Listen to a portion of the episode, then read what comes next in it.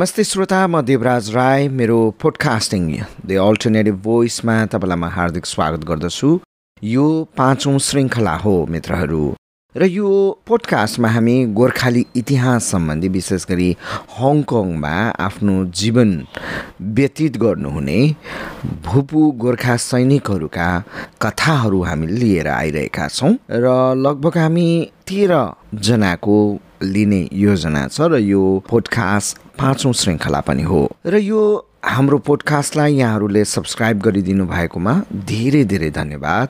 र हामी यस्तै गोर्खाली कथाहरू हामी लिएर आउनेछौँ। यसअघि पनि विभिन्न गोर्खालीहरूको कथाहरू हामीले सुन्यौँ। यो सङ्ग्रह होस् भनिकन हामी यो पोडकास्ट तयार गरिरहेका छौँ। र तपाईँले साथ दिनुभएको छ। तपाईँलाई धेरै धेरै धन्यवाद छ। गोर्खाली इतिहास निर्माताहरूको जीवन कथा जो हङकङवासी नेपाली समाजको सुरुवातकर्ताहरू हुनुहुन्छ उहाँहरूको जीवन कथालाई अनुभूति गर्ने हाम्रो यो पोडकास्ट कार्यक्रम हो र यहाँ अन्तर्वार्ताहरू हामी राखिरहेका छौँ। तपाईँले सुनिरहनु भएको छ। कृपया अरूलाई पनि सेयर गर्नुहोला अरूलाई पनि पठाइदिनुहोला र ज जसले सब्सक्राइब गर्नुभयो हाम्रो यो पोडकास्टलाई तपाईँलाई मुरीमुरी धन्यवाद छ। आउनुहोस्। आजको अङ्कमा हामी एकजना गोर्खा भेटरनलाई बोलाउँदैछौँ र उहाँलाई हामी उहाँसँग कुराकानीहरू गर्दैछौँ र उहाँ हुनुहुन्छ कर्पोरल शेरबहादुर राई जो बक्सर पनि हुनुहुन्थ्यो र उहाँ ह्युमानिटेरियन वर्कर पनि हुनुहुन्थ्यो वास्तवमा। र कर्पोरल शेरबहादुर राई चाहिँ निकै लामो समयसम्म हङकङमा सेवा गर्नुभएको थियो। र खास गरी उन्नाइस सय एकसठी सालदेखि उन्नाइस सय अस्सी सालसम्म चाहिँ यो ठाउँमा काम गर्नुभयो हङकङमा काम गर्नुभयो र नाइन्टिन एटीमा चाहिँ उहाँ रिटायर हुनुभएको थियो। आउनुहोस् उहाँलाई स्वागत गरौँ र उहाँकै मुखार बिन्दुबाट हामी उहाँका जीवनका कथाहरू रोचक कथाहरू हामी सुन्नेछौँ। म हार्दिक स्वागत गर्दछु। नमस्कार। सर्वप्रथम तपाईँको नाम के हो? बताइदिनुहोस् न। मेरो नाम शेरबहादुर राई हो। आर्मीको नम्बर एक्काइस पन्ध्र अडतालिस बयालिस कपरोल शेरबहादुर राई। म उन्नाइस सय एकसठी सालमा बोई भर्ती भएर के अरे मलायाको सुङ्गे पटानीको बोइस कम्पनीमा चाहिँ मैले तिन वर्ष बोइसमा ट्रेनिङ गरेँ। यो भर्ती चाहिँ कहिले हुनु भएको सोध्नु मन लाग्यो। हजुर मेरो भर्ती चाहिँ उन्नाइस सय एकसठी साल अक्टोबर महिनामा धरन घोपा क्याम्पमा भर्ती भएको हुँ। तपाईँ तिन वर्षसम्म बोइज कम्पनीमा एनलिस्टेड भएर बोइज कम्पनीमा जोइन गर्नु भएको रहेछ। यो बोइज भनेको चाहिँ के हो र यसको बारेमा अडियन्सहरूलाई बताइदिन सक्नुहुन्छ कि? हजुर बोइज भनेको चाहिँ हामीहरू त्यति बेला चौध वर्षको उमेरमा हामीहरू ब्रिटिस आर्मीमा बोई भर्तीमा भर्ती जानु पाउँथ्यो। त्यसपछि गइसकेपछि हामीलाई तिन वर्षसम्म चाहिँ सिक्नु पर्यो। जस्तै त्यसमा हामीले सानो उमेरमा चाहिँ पहिला जाँदाखेरि जुनियर बोई भन्छ। त्यसमा चाहिँ हामीलाई सुत्नु पनि पाइन्छ। दुई पिरियड खाना खाँदा फेरि हामीलाई दुध पनि दिएको हुन्छ अनि नाना प्रकारको भिटामिनहरू पनि दिएको हुन्छ। अनि मिडल बोय भएपछि हामीले चाहिँ धेरै जस्तो पढ्ने मौका पाउँछौँ हामीले। हुन त जुनियर पनि पाइन्छ अनि मिडलमा झन् धेरै पाइन्छ। अनि त्यसमा स्पोर्ट पनि हुन्छ आर्मी ट्रेनिङ पनि हुन्छ परेड हुन्छ ड्रिल हुन्छ अरू अरू ज्ञानको कुराहरू पनि सिकाइएको हुन्छ। अनि त्यसपछि तेस्रो सालमा चाहिँ हाम्रो सिनियर बोय भन्छ। सिनियर बोयमा चाहिँ हामीले आर्मी ट्रेनिङ फाइनल हामीले चाहिँ ट्रेनिङ गर्नुपर्छ। मामा मलाई एकदमै खुसी लाग्यो आज मेरो धेरै अतिथिहरू मध्येमा तपाईँ बोइजमा जोइन गर्ने बोइज भर्ती भएको व्यक्तिहरूमा मैले पहिलो व्यक्ति अहिलेसम्म गरेको अन्तर्वार्तामा मैले भेटाएँ। मलाई अत्यन्तै खुसी लाग्यो र यो बोइजमा नै चाहिँ किन भर्ती हुनु भएको अलिकति हामीले त्यहाँ शिक्षा पाइन्छ पढ्नु पाइन्छ अनि त्यसपछि चाहिँ पछि आफ्नो आर्मी करियर पनि राम्रो हुन्छ भनेर हामीले चाहिँ बोइ भर्तीमा भर्ती हुनु खोजेको कारण चाहिँ त्यो कस्तो कस्तो व्यक्तिहरू चाहिँ बोइजमा जान पाउँथ्यो? बोइजको लागि रिक्रुटमेन्ट के हुन्थ्यो? अब बोइजमा जानुको लागि भनेको अगाडि ब्रेन टेस्ट गरिन्छ। त्यो ब्रेन टेस्टमा पास हुनुपर्छ। ब्रेन टेस्टमा पाइसकेपछि बल्ल हामीलाई चाहिँ सेलेक्सन गर्छ। तर त्यसमा सबै मेडिकल फिट पनि हुन्छ। मेडिकल पनि गर्नु पर्यो अनि हेर्दाखेरि अब निकै जिउ डाल सडक्कै हुनु पर्यो कोही चोटपटक लाग्नु भएन। हातखुट्टा लौडे डौडे हुनु पाएन। एउटा सफा राम्रो खालको हुनु पर्यो अनि परिवारहरूको बारेमा पनि बताइदिनुहोस् न। श्रीमती परिवारहरू छोराछोरी के कसो छन्? हजुर मेरो परिवारमा के अरे मेरो श्रीमतीसँगै छ। अनि त्यसमा मेरो के अरे कान्छा छोरा बुहारी नातिनी उता माइला छोराको श्रीमती अनि उसको छोरा नाति जम्मा हामीहरू सातजना बसेका छौँ। मलाई एकदमै खुसी लाग्यो तपाईँ यहाँ आइदिनु भयो श्रोता साथी अहिले मसँग हुनुहुन्छ एसबी राई कर्पोरल एसबी राईजी हुनुहुन्छ र आज मेरो अतिथि हुनुहुन्छ र मलाई खुसी लागेको छ र अहिले अब चाहिँ म उहाँको चाइल्डहुड स्टोरिजहरू र सोसियल इकोनोमिक सिचुएसन र नेपालको जीवनको बारेमा कुराकानी गर्न मन लागेको छ। सर्वप्रथम म तपाईँलाई फेरि पनि हार्दिक स्वागत गर्दछु। हजुर नमस्कार। तपाईँको बाल्यकालको बारेमा केही बताइदिनुहोस् न। मेरो जन्म भोजपुर आङतेप हो। म सानो उमेरमा दस वर्षको उमेरसम्म म गाउँमै म हुर्केँ त्यहीँनिर नाना प्रकारको दुःख कष्ट गरियो दाउरा घाँस द के अरे गोठाला सोठाला सबै इत्यादि गरियो। त्यसपछि चाहिँ एउटा मेरो घरमा चाहिँ झनै झनै तिन चारजनाको परिवार झनै मने दिनमा त्यसमा म मात्रै बाँचे हुँ। तर मलाई चाहिँ त्यो खतम भइसकेपछि मेरो बाबाले मलाई छोडेर जानुभयो त्यहाँ अनि बाजेलाई चाहिँ नाति हेर्नु भनेर चाहिँ मलाई छोडेर बाबा चाहिँ कलकत्ता जानुभयो। अनि कलकत्ता गएर त्यसको एक वर्षपछि मलाई फेरि बाबाले कलकत्ता बढाउनु भयो। कलकत्ता म बसेँ बाबासँग त्यहाँ शिक्षा दिइसक्नु भयो। म जाने छ क्लास जति पढेँ त्यहाँ। अनि त्यसपछि म चाहिँ फेरि भर्ती भएर गोपाकेमा आएँ। ऊ बेलामा त पढा लेखा गोर्खाहरू पाउनु मुस्किल थियो। तपाईँले त पढ्नु पनि पाउनु भएछ। अ, हजुर भन्दा फेरि म एउटा भाग्यमानी पनि भयो। मेरो बाबा कलकत्तामा जागिर खानुहुन्थ्यो। त्यस बेला बाबाले मलाई बोलाउनुको कारणले गर्दाखेरि त्यो त्यो मौकामा मैले पनि अलिकति पढ्ने मौका पाएँ। कस्तो थियो गाउँघर त्यो बेलामा? तपाईँलाई सम्झना छ कुनै? अब आमाको बारेमा पनि बताइदिनुहोस् न। अब मेरो आमा चाहिँ अघि मैले भनिसकेँ कि मेरो त्यो महिना दिनमा चारजनाको परिवार गयो भन्ने चाहिँ मैले भनेको थिएँ त्यही समयमा मेरो आमा पनि बित्नु भयो म त्यति बेला छ वर्षको थिएँ। एकदमै दुःखदायी कुरा रहेछ। कलकत्तामा चाहिँ त्यो स्कुल लाइफ चाहिँ कस्तो थियो यसो बताइदिनुहोस् न। स्कुलको लाइफ त अब त्यहाँनिर अब सबै इन्डियन हिन्दी भन्छ के अरे हिन्दी नै सबै पढाउँथ्यो। अब हिन्दीमा सबै त्यहाँ चाहिँ नाना प्रकारको तेलुङ्गाहरू जाति थिए पन्जाबी थिए के अरे त्यहाँ- त्यहाँनिरको जुन चाहिँ हिन्दी जा जति पनि हिन्दी भाषाकोहरू सबै पढ्थे त मुस्लिम मात्रै थिएन त्यहाँनिर अनि नेपालीहरू पनि थिए त्यहाँनिर साथीहरू धेरै नै हामी तपाईँको युवा अवस्थामा बाल्यकाल बितेर युवा युवा हुने बेलामा तपाईँ कलकत्तामै हुनुहुन्थेछ। कस्तो थियो तपाईँको युवा अवस्था चाहिँ? सुनाउन बोइज भर्ती हुनुभन्दा अगाडि। भनौँ मेरो एक प्रकारको रमाइलो पन थियो किनभने त्यो स्कुल पढ्दाखेरि त्यहाँ हामी बस्ने ठाउँमा गाउँमा भनौँ त्यो त्यो गाउँ चाहिँ बङ्गाली गाउँ हो बङ्गाली धेरै थिए। त बङ्गाली गाउँमा बस्थ्यौँ त्यहाँनिर मेरो साथीहरू बङ्गाली पनि थिए नेपाली पनि थियो।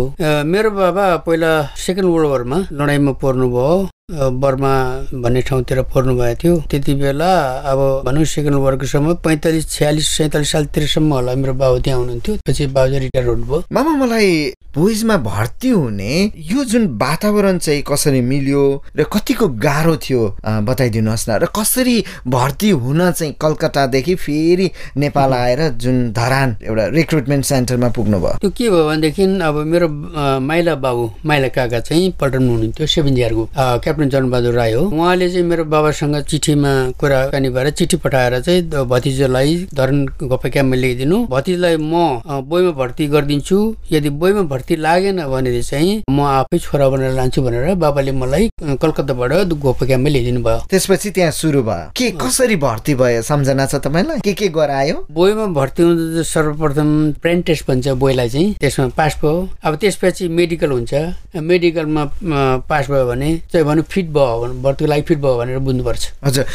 जब बोइस कम्पनी ट्रेनिङ गरिसकेर तिन वर्ष फुल्ली ट्रेनिङ गरिसकेर गएर पढ्नु गएपछि मात्रै बल्ल सर्भिसम्यान हुन्छ। त्यसले गर्दा हामी बल्ल इङ्ग्लिसम्यान हुन्छ त्यहाँबाट चाहिँ। तपाईँ पर्टिकुलरली तपाईँलाई चाहिँ किन गोर्खा सैनिक बन्नु भएको होला? अब गोर्खा सैनिक भनेपछि हाम्रो पिता पुर्खादेखि नै पहिलादेखि गोर्खा आर्मी ब्रिटिस आर्मी र इन्डियन आर्मीमा भर्ती कारणले गर्दाखेरि आफू पनि त्यो त्यही पछि फलो गरेर चाहिँ जाँदाखेरि हामीलाई गोर्खा आर्मी मन परेको मतलब त्यो हो। कस्तो लागेको थियो? सम्झना छ कि मलाई अब हुन त अब एक्सर्साइजको कुरा हो। अलिअलि थाहा छ। त्यसमा चाहिँ अब बोईमा भर्ती भएर जान लागि माइला बाबाले चाहिँ मलाई कोसिस गर्नुभयो उहाँले है मिलाइदिनु भयो म पनि त्यसमा चाहिँ धेरै कोसिस गरेर फेरि सबै चिज उनीहरूले दिएको अनुसार चाहिँ मापदण्ड अनुसार म पास गरेर गएँ। राम्रो लाग्यो। त्यहाँ चाहिँ गएर पढ्नु पर्थ्यो है पढ्ने मौका पाउँथ्यो। खेलकुदहरू सबै अब अलिकति नलेजको कुरा गर्नु पर्थ्यो त्यहाँ बोइमा त्यसरी मलाई मन परेको। एकदमै धेरै खुसी लागेको छ र आज मसँग हुनुहुन्छ एसबी राई र भूपू गोर्खा सैनिक हुनुहुन्छ कप्रोल हुनुहुन्छ। म उहाँको सर्भिस डेजहरूको बारेमा ट्रेनिङ डेजहरूको बारेमा र हङकङमा आएका कुराहरू सुन्न बाँकी नै छ। श्रोता साथी मसँग हुनुहुन्छ एसबी राई र एसबी राई ज्यूसँग हामीले कुराकानी गऱ्यौँ उहाँको बाल्यकालको कुराहरू गऱ्यौँ हामी उहाँको गाउँघरको कुरा गऱ्यौँ र बोइज रिक्रुटमेन्ट प्रोसेससम्मको कुराकानी हामीले गरिसकेका छौँ। अब चाहिँ म उहाँको तालिमका दिनहरूलाई स्मरण गर्नको लागि यो सेगमेन्टमा फेरि पनि म उहाँलाई हार्दिक स्वागत गर्दछु। थ्याङ्क यू यो तपाईँको तालिमको दिनहरू सम्झनुहोस् न। हजुर भन्दाखेरि म अब उन्नाइस सय एकसठी साल धरन गोपाकामा भर्ती भएर अनि त्यसपछि हामीलाई चाहिँ उसमा मलायाको सुङ्गे पटानी भन्ने ठाउँमा लगेर बोइस कम्पनीमा लगेर हामीले त्यहाँ जोइन गरायो। गएदेखिको हाम्रो जुनियर बोय भन्छ त्यहाँ। जुनियर बोयमा चाहिँ हामीलाई पढाउने गेम्सहरू खेलाउने साइन्सहरू पढाउने समय समयमा सुत्नु पनि पाइन्छ। किनभने हाम्रो सानो उमेरको नियमले चाहिँ हामीले चाहिँ सुत्ने पनि दुई पिरियड सुत्नु पर्थ्यो पैँतालिस मिनटसम्म। त्यसपछि अब खानापिनाको लागि चाहिँ हामीलाई दुधहरू दिन्छ। अलिकति मलाई स्पष्ट पारिदिनु न। सुत्ने परेड पनि भन्नु। सुत्नु भने मतलब बोइजमा जानुभयो त्यो बोइजहरूले सुत्नु पर्छ। टाइम दिन्थ्यो तपाईँहरूलाई सुत्न। दिउँसै सुत्नु पर्ने दिउँसै। दिउँसै त्यो नियम हो। हजुर। किनभने अब सानो उमेरको हुनाले अब सुत्छ नि भनेर यिनीहरूलाई सुताएर अलिक बढ्छ कि भनेर पनि होला। बढ्छ कि भनेर। दुई दुई पिरियड सुत्याउँथ्यो साढे घन्टा सुत्नु पर्थ्यो। अनि उठेर त्यहाँबाट चाहिँ हामीलाई चाहिँ गेम स्पोर्ट खेल्नु लान्थ्यो। दगुराउने कुद्ने फोटोहरू गर्ने त्यसरी गराउँथ्यो एक हिसाबले हाई स्कुल जस्तै रहेछ कि? झनै त्यस्तै तरिकाले नि त्यो बोइस कम्पनी नै इस्टाब्लिस गरेको तर गन बन्दुकहरू चाहिँ छुनु त्यति बेला पाउँदैन। त्यो सेनियर जुनियर भएमा पाउँदैन। के के गर्नु पर्थ्यो जस्तै तपाईँले खेलकुदहरूमा चाहिँ के के गर्नुहुन्थ्यो खेलकुदमा चाहिँ तपाईँको त्यहाँ अब प्लाटन प्लान हुन्छ। One plan two plan three plan four plan भनेर बाँडिदिएको हुन्छ। त्यसमा चाहिँ अब वान प्लानको लोकेसन कहाँ उसको चाहिँ कहाँनिर हो? खेल्ने ठाउँ के हो? फुटबल हो कि के हो? त्यो बन्दोबस्त गरेको हुन्छ। अब टु प्लानको बास्केट हो कि के हो? अर्को भलिबल के हो? अर्को स्विमिङ के हो है? अब त्यस्तो बाँडिदिएको हुन्छ कि। के के खेलहरू खेल्नुभयो बोइजको बेलामा? सुनाइदिनुहोस् न। अब बोइजको बेला हाम्रो सबै होल गेमहरू नै खेलाउँछ। तपाईँलाई चाहिँ के सबैभन्दा बढी मन पर्थ्यो?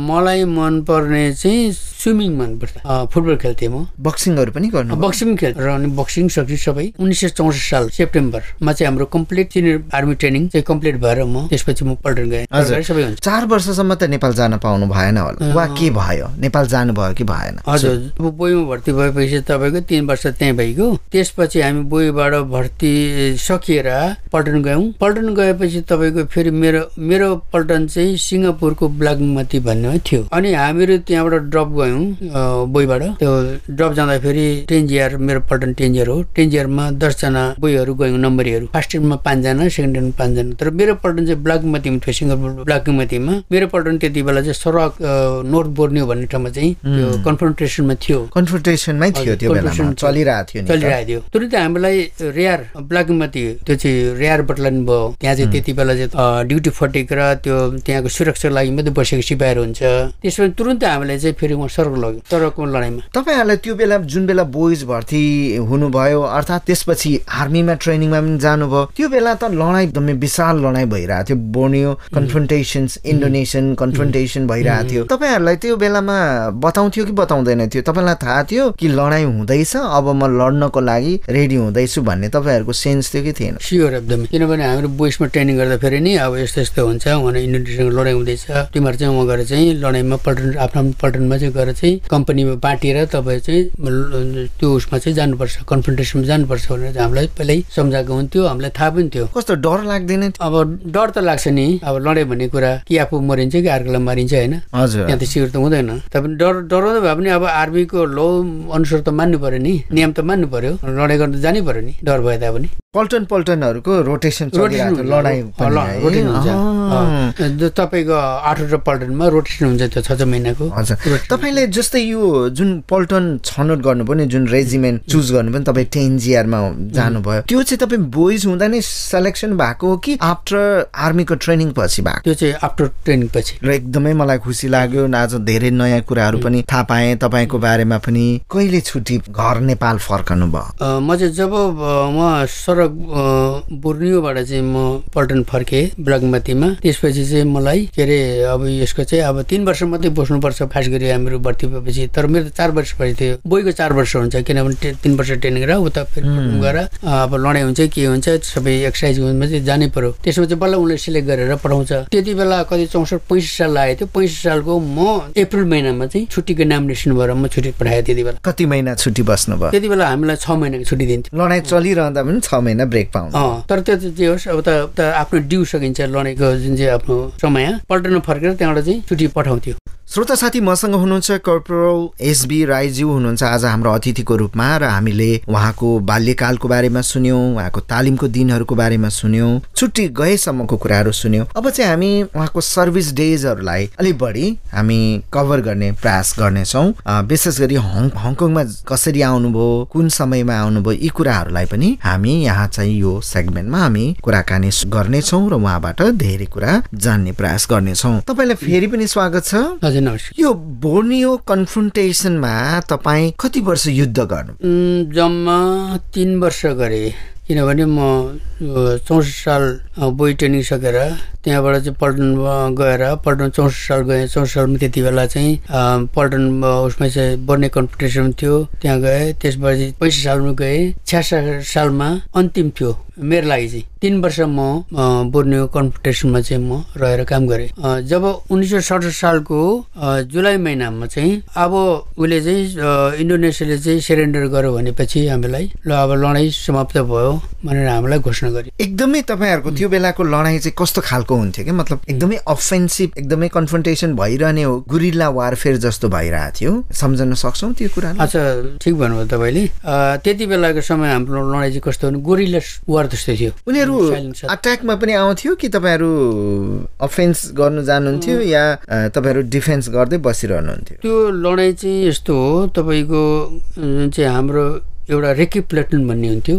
अब रेकी प्लेटनले चाहिँ गएर चाहिँ पुरा त्यहाँ रेकी गरेर आउँथ्यो। दुश्मनको पोजिसन कहाँ भनेर?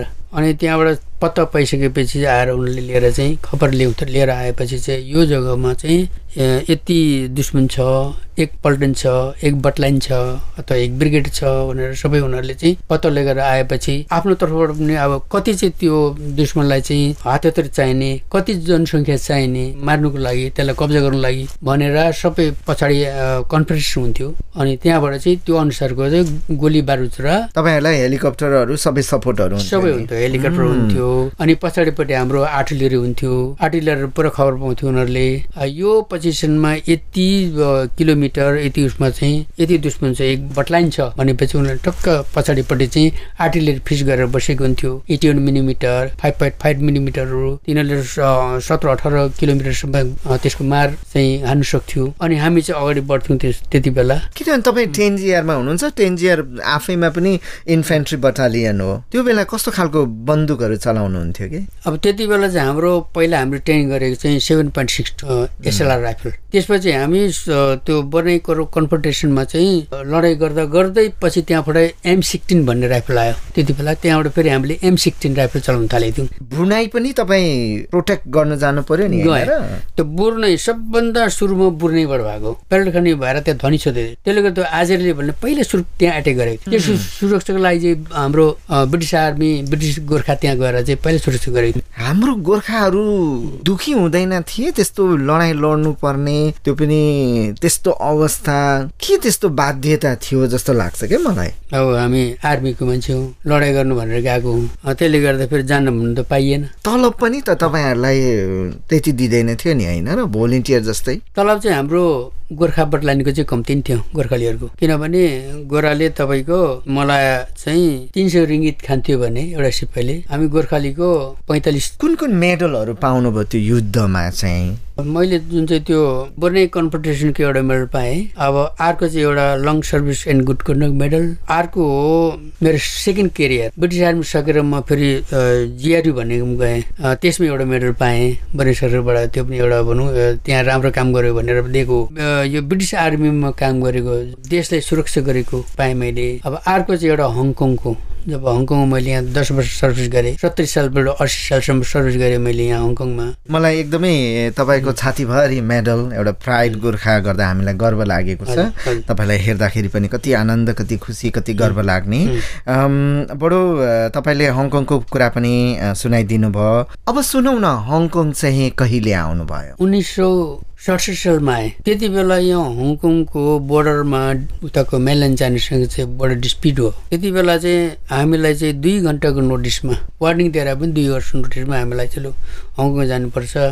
फर्स्ट एनजिआर हो। हामी सेकेन्ड एनजिआर हो। गर्दा फेरि आफ्नो दाजु पटलले चाहिँ गएर चाहिँ मद्दत गर्नु पर्यो भनेर हामीले दुई घन्टाको नोटिस लिएर चाहिँ हङकङ लियो। त्यति बेला म आएँ फर्स्ट टाइममा कति बस्नुभयो त्यो बेलामा? झन्डै म दुई महिना जस्तो म बसेँ। किनभने मेरो चाहिँ अलिकति नार्भ खबर आयो नेपालबाट। किन मेरो बाबा बित्नुभयो अब तिम्रो बाबा बित्यो तिमी चाहिँ नेपाल गएर बाबा काम गर्नुपर्छ मलाई पठाइदियो। त्यो थियो उन्नाइस सडसठी सालको अक्टोबर महिनामा। म यहीँ हङकङको फ्यानलिङ पोल मिल भन्छ त्यहाँनिर। पुलिस र आर्मीको चाहिँ एउटा जोइन्ट एउटा क्याम्प छ। त्यो पोल मिलबाट चाहिँ म चाहिँ नेपाल गएँ। तपाईँको जुन ऱ्याङ्कहरू चाहिँ कसरी कुन कुन समयमा बढ्यो? ट्रेनको विषयमा मलायमा म सिपाही नै थिएँ। त्यसपछि म हङकङ आएर क्विन्सिलमा आएर बस्यो। क्विन्स हुँदा आउँदाखेरि चाहिँ तपाईँको म त्यहाँ लेन्सकोट पाएँ। त्यसपछि युकेमा गयो। युके गएर त्यहाँबाट फर्केर दुई वर्ष आउँदाखेरि फेरि म फर्केर आएँ। गेलेपल्लीमा बसेँ गेलेपीमा आएपछि म कपल भएर मैले काम गरेँ। तिनीहरूलाई छेकथामको लागि पुलिसले सकेन भने हामी जानु पर्थ्यो तपाईँ जानुभयो? म पनि परेँ। पनि परेँ। मङ्को पनि पऱ्यो म। मङ्कोको त्यति बेला साह्रै ठुलो हुन्थ्यो तब आन्दोलन। यतितिर चाहिँ साह्रै ठुलो आन्दोलन हुन्थ्यो पहिला पनि। मङ्कोकमा अनि वान्चेमा है। किनकि सबैभन्दा धेरै जनसङ्ख्या भएको अङ्कमा गर्दा त्यति बेला चाहिँ हामी आर्मी चाहिँ रोकथाम गर्नु पुलिसले सघाउनु जानु त्यो बेलामा हङकङको समाज चाहिँ कस्तो थियो? अब सहर बजारमा तपाईँ व्यापारी ठाउँ नलियो व्यापारी ठाउँमा धेरै पोलाइटी खालको मान्छे नै हुन्थ्यो चिनाहरू क्या पोलाइट गर्ने। फ्यामिलीहरू पाउनुहुन्थ्यो कि पाउनुहुन्न थियो तपाईँहरू? हजुर आफ्नो आफ्नो ड्यू हुन्छ नि फ्यामिली पर्मिसन कसको पालो आयो अब उसले चाहिँ उसलाई चाहिँ दिन्थ्यो। मैले पाएँ। कति सालतिर कति पाउनुभयो? उन्नाइस सौ छ्यात्तर सत्तर अठार साल तिन वर्षमा। मेरो मेरो छोरा जेठो चाहिँ त्यति बेला म आर्मी धरन गोपिकामा जन्मेको। तपाईँ कहिले कहाँबाट रिटायर्ड हुनुभयो? बोर्नैबाट। मेरो यहाँबाट चाहिँ उन्नाइस सौ अठहत्तर सालमा यहाँ ड्यू हङकङ पुरा भएर त्यहाँ अठहत्तर उनासी अस्सी सालमा चाहिँ म चाहिँ त्यहीँबाट पेन्सन गएको खुसी लाग्छ यिनीहरू सबै अहिले साथमै छ। मेरो जेठा छोरा अहिले चुनुनमा उसको परिवार। यहाँ मसँग चाहिँ अहिले म मेरो श्रीमती माइला छोरा त बितिहाल्यो। उसको श्रीमती र नाति उसको छोरा छ। अनि कान्छा छोराको उसको श्रीमती र उसको छोरी छ। तपाईँलाई यस्तो लाग्छ कि तपाईँ नेपाल फर्किनुहुन्छ होला भविष्यमा? भविष्यमा त आफ्नो देशको त माया लागिहाल्छ। अब फर्किनै पर्छ जस्तो लाग्छ मलाई। तर अब अहिलेको स्थिति राम्रो त छैन के हुन्छ कुनै के चाहना छ छोराछोरीले समाजले? अब यस्तो गरिदिए त हुन्थ्यो कि भन्ने केही छ तपाईँको? के सोच्छन् भनेर नि आफ्नो लागि? गर्दा फेरि भुबुको एउटा राम्रै एउटा एउटा संस्था होस्। अब यसले चाहिँ सबैलाई चाहिँ राम्रो गरौँ सबै नेपाली एउटा हौँ सबैको एक एकअर्का दुःख परेको छ भने त्यसलाई सहयोग गरौँ सहयोग सपोर्ट सबै गरौँ भन्ने एकजुट हौँ भन्ने मल- मलाई लाग्छ। लगभग कार्यक्रमको हामी अन्तिम चरणमा छौँ। छोरा नातिहरूलाई केही अर्थी केही सुझावहरू छ कि? पछि उनीहरूको फ्युचर राम्रो होस् भन्न चाहन्छु। सबै राम्रो गरोस्। जति हामीले पहिला यहाँनिर चाहिँ हङकङलाई चाहिँ राम्रो योगदान गरेको थियो हाम्रो एउटा राम्रो गोर्खाली भनेर एउटा थियो यहाँनिर राम्रो नाम चलेको थियो राम्रो काम गरेको थियौँ। पछि हाम्रो भविष्य छोरा नातिहरूले सबै यस्तै गरेर जाओस् भन्नु म चाहन्छु। मामा हाम्रो स्टुडियोमा आइदिनु भयो मलाई एकदमै खुसी लाग्यो। मैले केही सोध्नु पो छुटाएँ कि केही भन्नु पो बाँकी छ कि? थ्याङ्क यू भन्छ अँ, तपाईँले मलाई यहाँ बोलाउनु भयो स्टुडियोमा मलाई बडा खुसी लाग्यो। तर यो स्टुडियोमा बोल्ने मेरो यो फर्स्ट टाइम हो। योभन्दा अगाडि मैले बोलेको पनि थिएँ नि आज तपाईँले मलाई यो बोलाइदिनु भएकोमा बहुत खुसी लागिरहेछ। धन्यवाद भान्जा। श्रोता मित्र तपाईँलाई कस्तो लाग्यो? हाम्रो यो पोडकास्ट कस्तो लाग्यो? कृपया हामीलाई कमेन्टहरू पनि दिन सक्नुहुन्छ। हाम्रो यो पोडकास्ट सब्सक्राइब गरिदिनु होला र सब्सक्राइब गरेपछि आउँदा हाम्रा कार्यक्रमहरू पनि तपाईँले हाम्रो यो पोडकास्टिङ पेज मार्फत तपाईँले प्राप्त गर्न सक्नुहुनेछ। म देवराज राई तपाईँप्रति आभार व्यक्त गर्दछु। तपाईँलाई धेरै धेरै धन्यवाद छ।